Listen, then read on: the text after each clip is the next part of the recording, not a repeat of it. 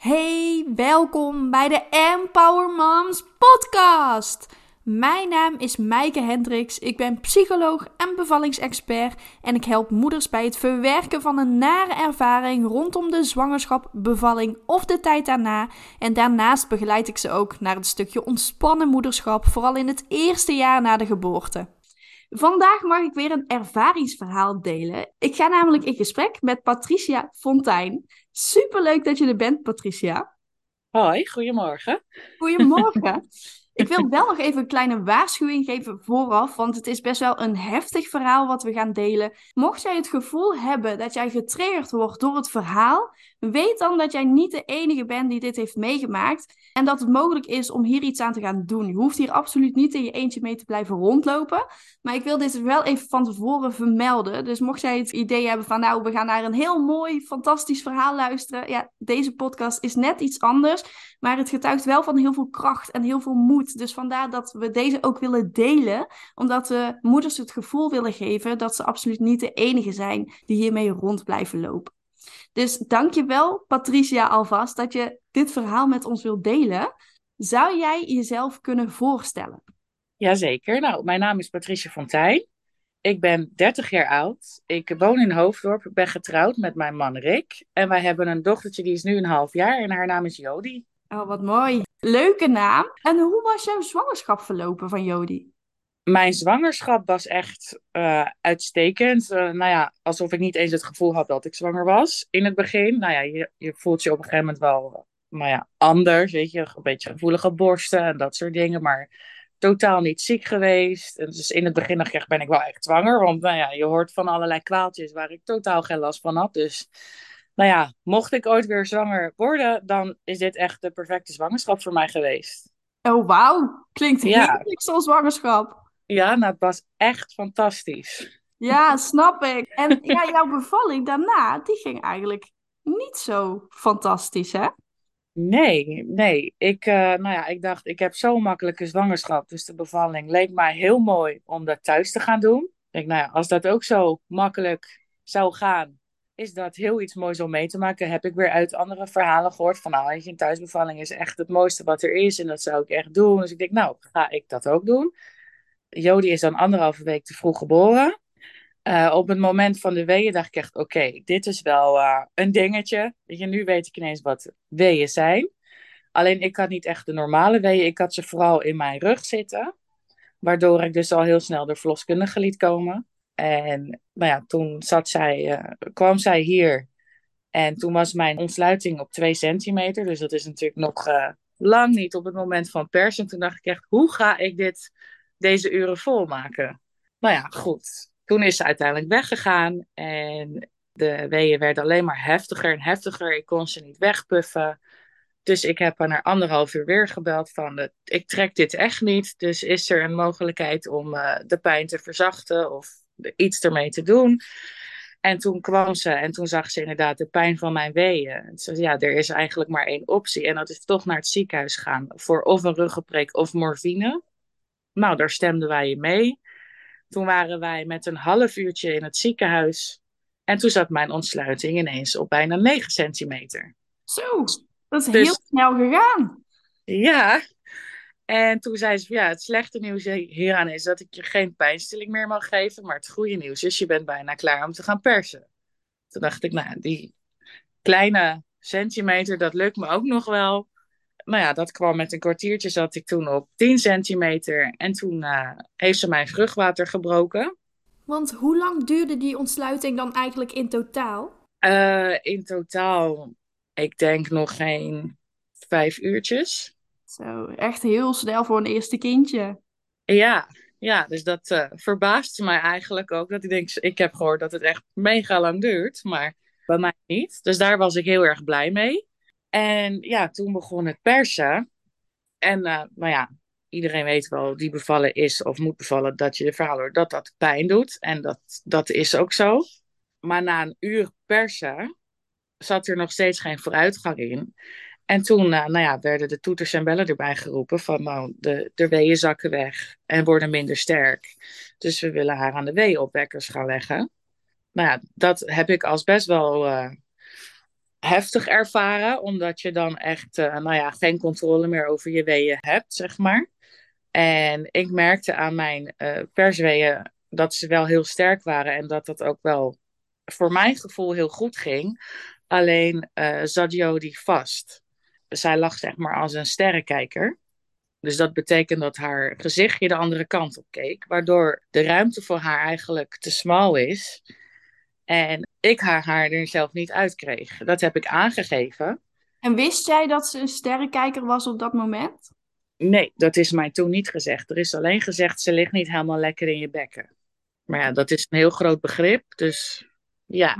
Dus ze hebben jou ook niet op voorbereid van, oh, het kan, het kan wat zwaarder zijn of hè, het kan Nee. wat langer duren. Nee, ze hebben mij alleen uh, ja, op verschillende manieren willen laten persen. Dus ik, heb, ik begon eerst gewoon uh, liggend op mijn rug, daarna op mijn zij. Uh, ik heb op een baarkruk gezeten. Ik heb, nou ja, volgens mij elke houding gehad die je tijdens een bevalling kan krijgen. En het werkte maar niet. Op een gegeven moment merkte ik wel dat mijn man een beetje onrustig werd. Maar ik gaf hem daar geen aandacht aan. Want ik dacht, ja, het, mijn taak is nu om die kleine eruit te laten komen. Dus hij heeft hulp van de verpleging uiteindelijk ben ik na twee uur en 27 minuten bevallen na de eerste persweek. Dus dat is uh, best wel heel erg lang. Dat is heel en lang, ja. Heb ik ook allemaal op eigen kracht moeten doen. Ik ben verder nergens bij geholpen.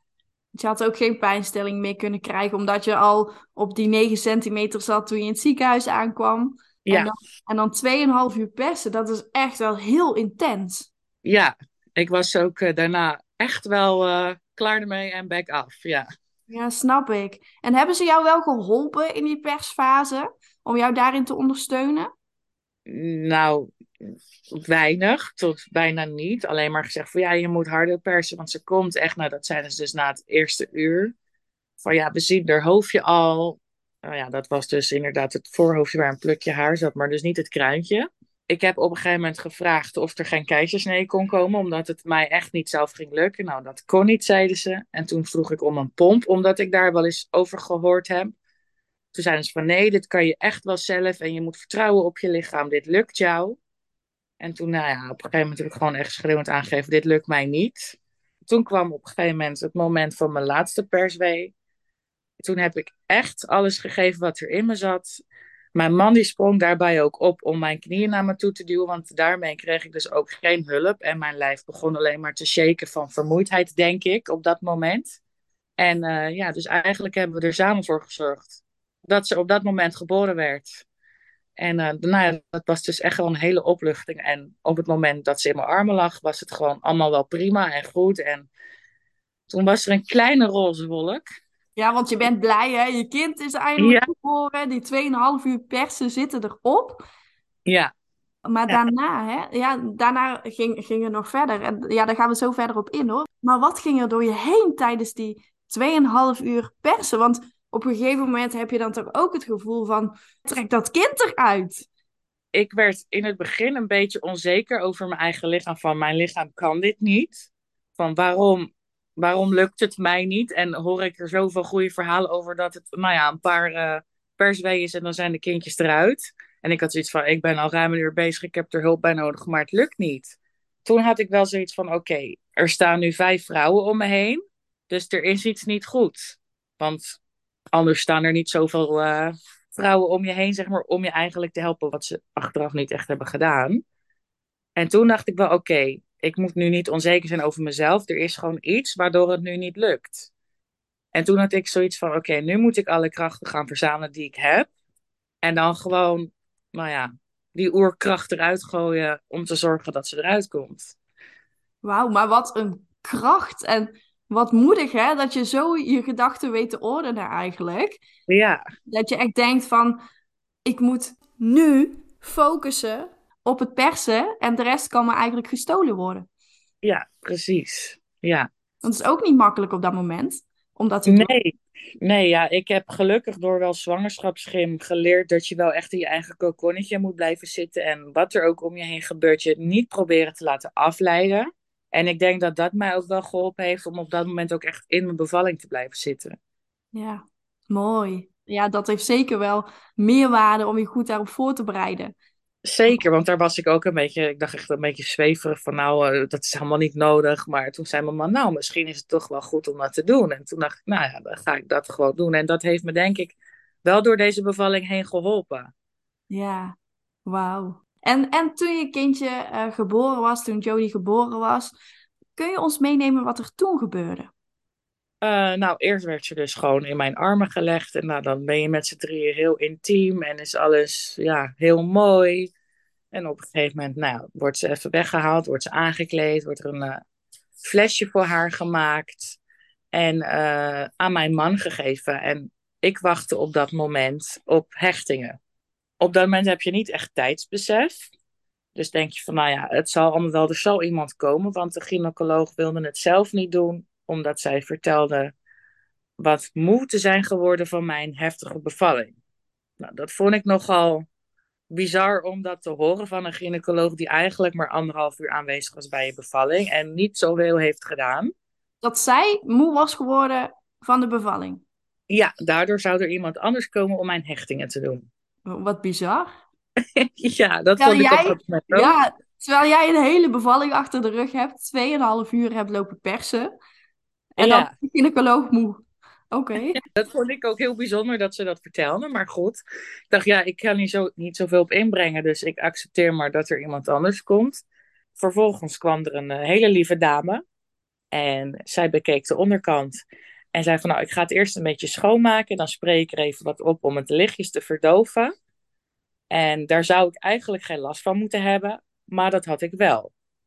Dus zij vroeg mij, maar je bent toch echt net pas bevallen? Zei ik, maar ja, dat is nu zo'n anderhalf uur terug. En toen zei ze: Oké, dat verklaart een hoop. Ze zegt: Hoe langer het duurt voordat je gehecht wordt na je bevalling, des te meer je ervan gaat voelen. Want dan werkt de verdoving dus niet meer 100%. Maar goed, daar kon die vrouw dus niks aan doen. Want die ja, was voor mijn hechting bezig met een andere dame te hechten. Dus ja, die werkt gewoon de patiënten af. En die had geen flauw idee dat ik daar al anderhalf uur aan het wachten was. Dat, dat is toch echt super heftig, dat je daar anderhalf uur lang ligt. En ja. er komt niemand naar je toe om jou te helpen. Je ligt daar nog steeds eigenlijk hè, met, met je benen open. En je wilt gewoon lekker knuffelen met je kind en genieten van je kind. En dan moet je nog wachten op de hechting. Dat ja. is vreselijk. Dat was heel vreselijk, ja. En het moment van hechten was daardoor ook niet heel fijn. Ik heb uh, er heel veel van gemerkt en gevoeld. En dan hoop je dat het snel klaar is. En nou ja, die dame was toch wel ruim drie kwartier met me bezig. En nu achteraf, ze heeft het echt uitstekend gedaan. Want ik heb er uh, geen last van. Al heel snel niet. Dus dat, dat was wel. Uh, nou ja, ik ben heel blij met die dame geweest. Dat ze me heel mooi en netjes gehecht heeft. Waardoor het herstel daardoor ook wel uh, soepel verliep. Maar ja, het was toch wel een shock van oké, ik ga dus nu best wel heel veel voelen. Maar hadden ze dat niet verdoofd dan nog een keer? Nee, ze heeft het uiteindelijk heeft ze wel een verdoving gegeven. Alleen doordat, ja, je, als je net bevallen bent, zit er veel adrenaline in je lijf. Eh, daardoor voel je jezelf ook minder. Alleen doordat mijn adrenaline eigenlijk al weg was, heeft die verdoving niet compleet zijn werk kunnen doen. Jeetje, ja. maar echt, ik kan me niet voorstellen wat voor gevoel dat moet zijn geweest. Als jij gewoon alles voelt. Dat, hoe intens dat is. En dan ja, ben je vergeet je dat wel snel. Ja. Maar dat moment, ja. Nee, dat was inderdaad heel intens en heel pijnlijk. Ja. Oh, maar hoe ging je daarmee om met die pijn? Nou ja, naar mijn man kijken die die kleine vast had en daarvan genieten. En dat proberen als afleiding te zoeken. Van nou ja, een beetje zien hoe hun lekker met z'n twee aan het knuffelen waren dat zag er uh, heel uh, liefdevol en leuk uit. Dus dat heeft mij er wel doorheen. Ja, je moet gewoon je verstand niet bij dat hechten zetten. En proberen je laten afleiden door de leuke dingen. Nou, dat was dus mijn man en Jody samen. Wow, wel heel knap dat je je daar dan op kon focussen. Want dat is ook niet makkelijk. Nee, dat was niet makkelijk, nee. Maar het is me gelukt. Ja, fantastisch. En dan, dan heb je daar anderhalf uur gelegen en dan word je eindelijk gehecht. Hoe voelde jij je toen? Ik was uh, best wel moe, omdat ik natuurlijk ook al ja, 2,5 uur heb lopen persen. Ik had twee dagen last van lichte weeën, dus twee gebroken nachten. Of tenminste, nou ja, de nacht van de bevalling was natuurlijk helemaal wakker. En die nacht daarvoor, met de weeën, slaap je ook niet heel erg eh, lekker. Dus ik was vooral moe en uitgeput. En toen dacht ik van ja, nou laat het allemaal maar gebeuren. Dan kan ik straks naar huis. En nou ja, toen was op een gegeven moment het hechten klaar. En toen kwam er een uh, verpleging om te douchen. Toen dacht ik, nou fijn. Toen kwam er eerst een ontbijtje. Nou, daar nam ik twee happen van. Toen mocht ik douchen. Toen heeft ze de douche voor me aangezet in een krukje. Van nou, dan kan je daarop zitten. En vervolgens liep ze weg. Dus ze liet jou alleen in de douche? Ja. Net bevallen? Ja. En ik wist natuurlijk niet dat dat niet normaal was. Dus ik ben gewoon zittend gaan douchen, wat, wat mij lukte. Dan komt het moment dat je je moet afdrogen. Nou, dan moet je dus op gaan staan. En toen werd ik wel een beetje duizelig. Van oké, dit is niet heel erg fijn. Maar er is niemand om mij te helpen. Want mijn man zit met, mijn, met, met, met Jody. En ik sta hier alleen. Nou, toen heb ik uh, een handdoek gepakt om me heen gedaan. En toch weer even gaan zitten. En nou ja, de moed bij elkaar van oké, ik moet mezelf afdrogen, aankleden en weer terug uh, naar bed. Want dan kan ik verder ontbijten. En toen kwam ik terug bij mijn bed. Nou, die was nog hartstikke vies. Dat heb ze dus niet even schoongemaakt in die tussen. Want ik denk, nou, misschien is ze daarmee bezig. Maar ja, ze was echt de kamer uitgegaan. En ze had mijn ontbijt weer meegenomen. Oh nee. Oh, maar wat, wat heftig ook, hè, dat je daar in je eentje in die douche zit. Je bent net bevallen, je hebt zoveel bloedverlies gehad. Altijd super belangrijk dat er iemand bij je is als je de eerste keer gaat douchen. Ik heb zelf ook verloskunde gestudeerd en bij ons werd dat echt gezegd van je moet mensen nooit alleen laten als ze net zijn bevallen, want je weet niet wat er kan gebeuren. Dus het is al heel knap dat jij zelf bent gaan zitten en zelf het gevoel hebt van, ook oh, ben duizelig, ik moet daarna handelen. En dat je niet flauw ja. bent gevallen, gelukkig niet. Gelukkig niet, nee. Maar ja, ik, had, ik was, weet je, dat vertelde ik op een gegeven moment thuis gewoon, weet je, aan de familie. En die zeiden van, maar ben je echt alleen gelaten? Ik zei, ja. Ik zeg, is dat niet normaal? En toen werd, toen werd er pas gezegd, nee, dat kan echt niet. Maar ja, wist ik veel. Het is je eerste bevalling. Ik had geen idee. Dus ja, dat was wel, denk ik, nog weer een minpuntje. Dat ik denk, ja, dit had dus ook anders gekund. Ja, en dan hè, dat je die kamer weer inkomt en ziet van, mijn bed is nog steeds vies. Waar moet je nou gaan zitten of liggen? ja, nou ja, ik heb het gewoon een beetje opzij geschoven en ik ben gaan zitten totdat er weer iemand kwam voor de ontslagpapieren dat we naar huis mochten. En lukte dat wel? Ja, en gelukkig waren die ontslagpapieren er heel snel. Dus ik heb toen heel snel er jasje aangetrokken en ben er lekker mee naar huis gegaan. Ja, ik snap dat je dat ook wil op dat moment. Hè? Dat je zo'n slechte ervaring hebt gehad. Er is van alles gebeurd. Misschien heb je het nog niet helemaal verwerkt, want het overkomt je op dat moment. Ja, en... op dat moment heb je eigenlijk geen besef. Dan word je geleefd. Ja, precies. Ja. En achteraf, hè, als die rust terug is, dan komt dat besef vaak pas. Ja, ik had het, uh, nou, na een paar dagen kwamen dus mijn kraamtranen.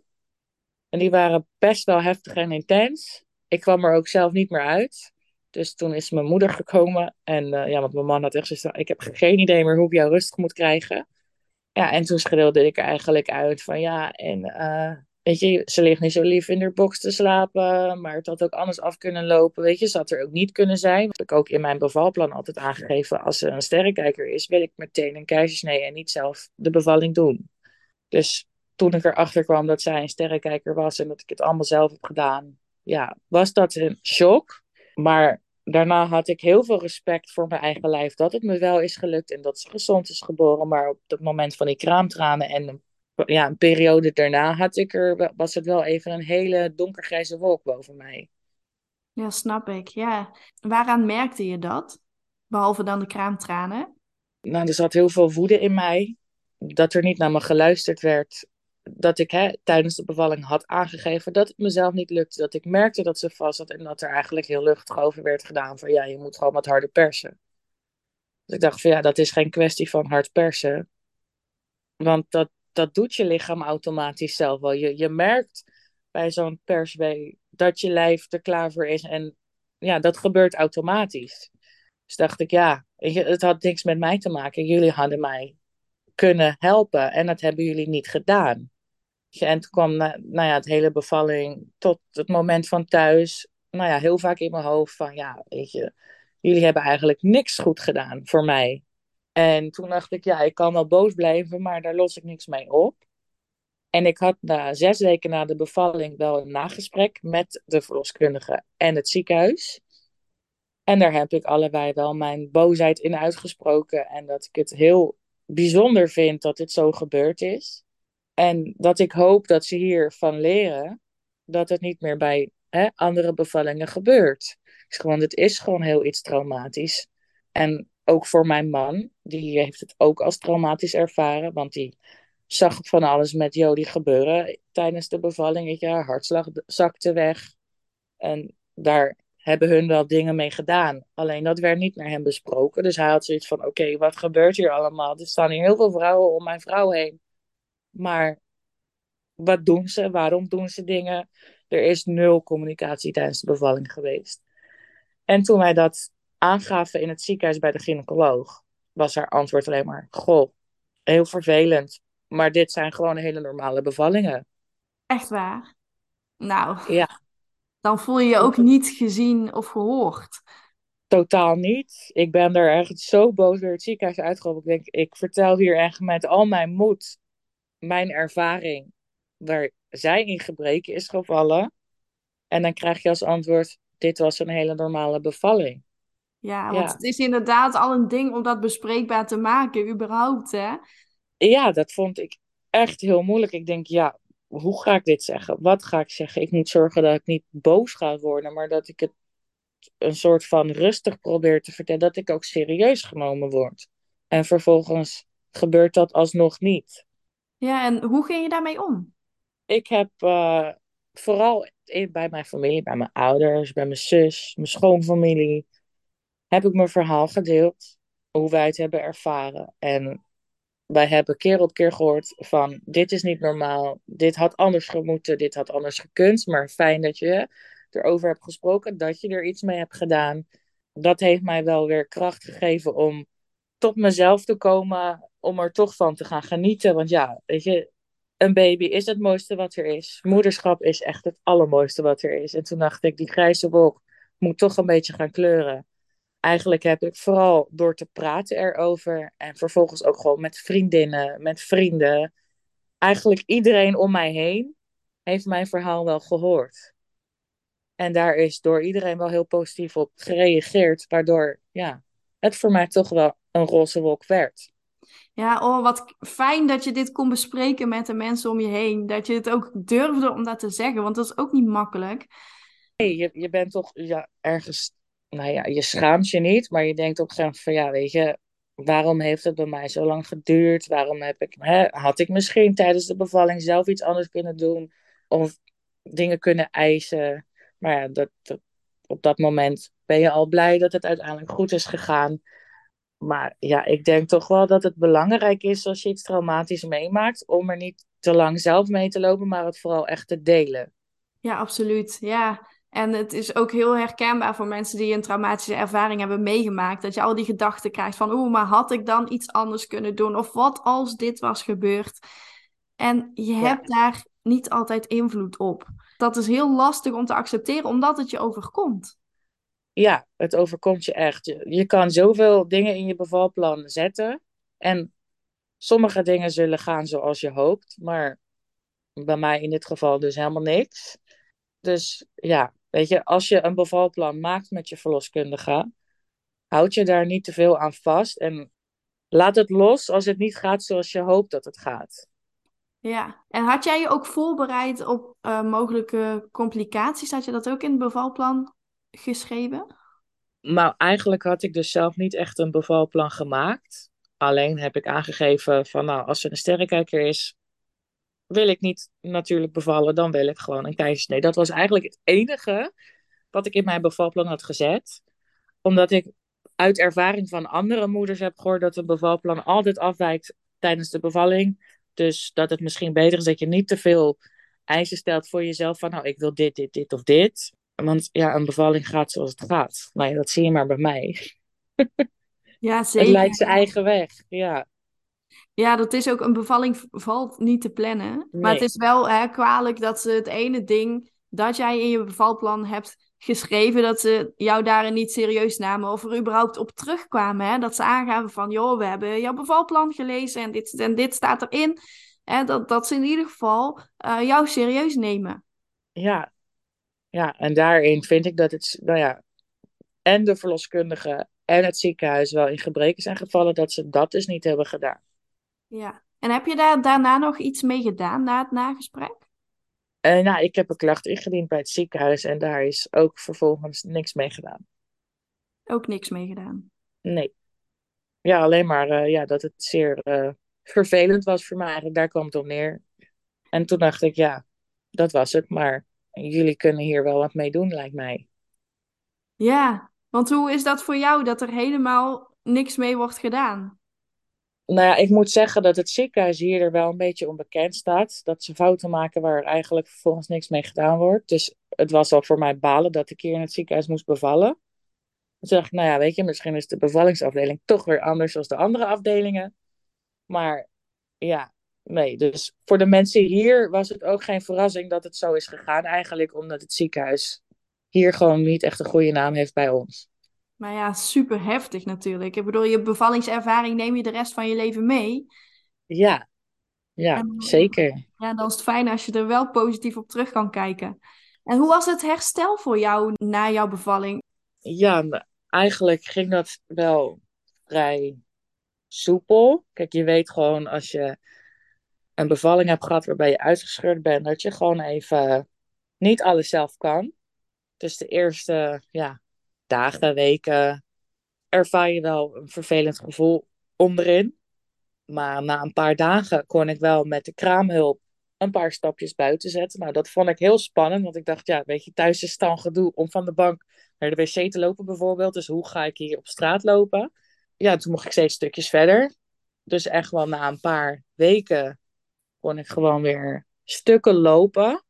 Alleen heb ik wel gemerkt, en dat heeft wel, nou, ik denk wel twee, drie maanden aangehouden, dat het stilstaan een druk gaf aan de onderkant.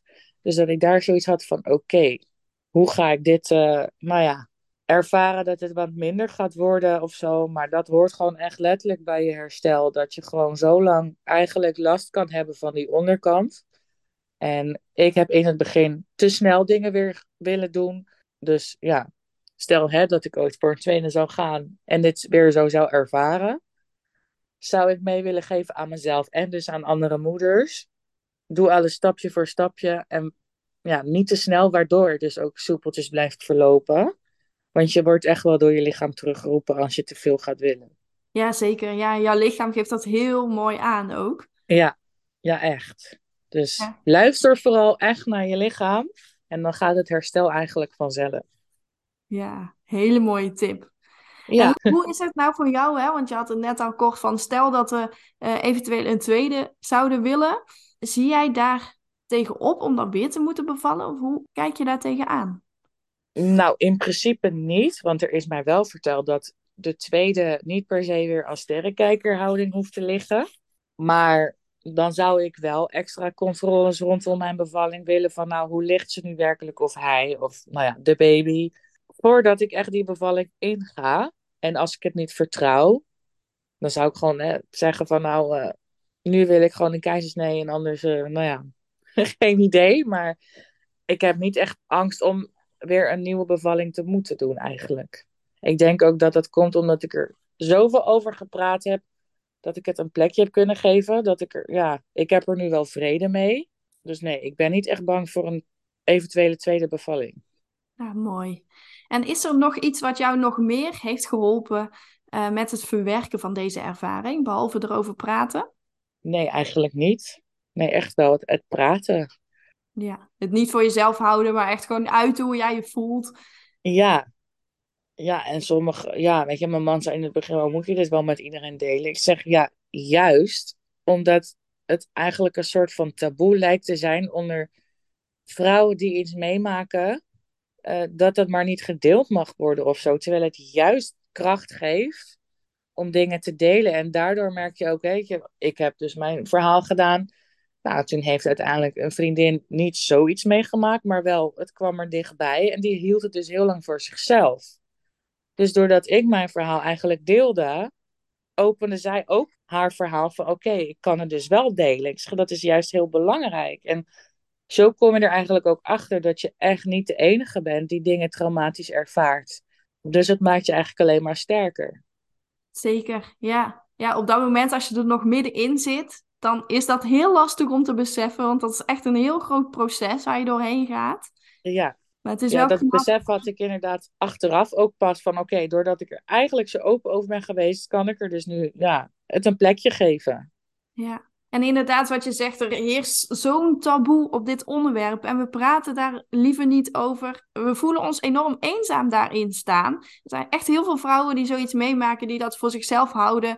Die daar niet over durven praten, omdat ze het gevoel hebben dat ze zich aanstellen of wat dan ook. Hè? Terwijl dat absoluut niet het geval is, want het is jou overkomen. Jij kan daar niks aan doen. Dus het ligt absoluut niet aan jou. En je hoeft je er ook niet voor te schamen als je zoiets hebt meegemaakt. Absoluut niet, nee. Echt, je bent inderdaad echt niet de enige. En ja, praat. Echt praat. Het enige wat ik eigenlijk kan meegeven als je denkt, ik heb iets traumatisch ervaren of je hebt het gewoon ervaren. En al heb je geen trauma ervaren, je kan sowieso gewoon over je bevalling praten. Zeker, ja. Ja, Deel het vooral, hè? Mooie Ja. ervaringen, bijzondere ervaringen, heftige ervaringen. Laten we het vooral niet voor onszelf houden, maar laten we dit gewoon open de wereld in gooien, zodat ook alle taboes hierover worden doorbroken. Want het is ook niet altijd een roze wolk. Het kan een grijze wolk zijn, het kan een donkerblauwe wolk zijn, het kan een zwarte wolk zijn of een regenboogwolk.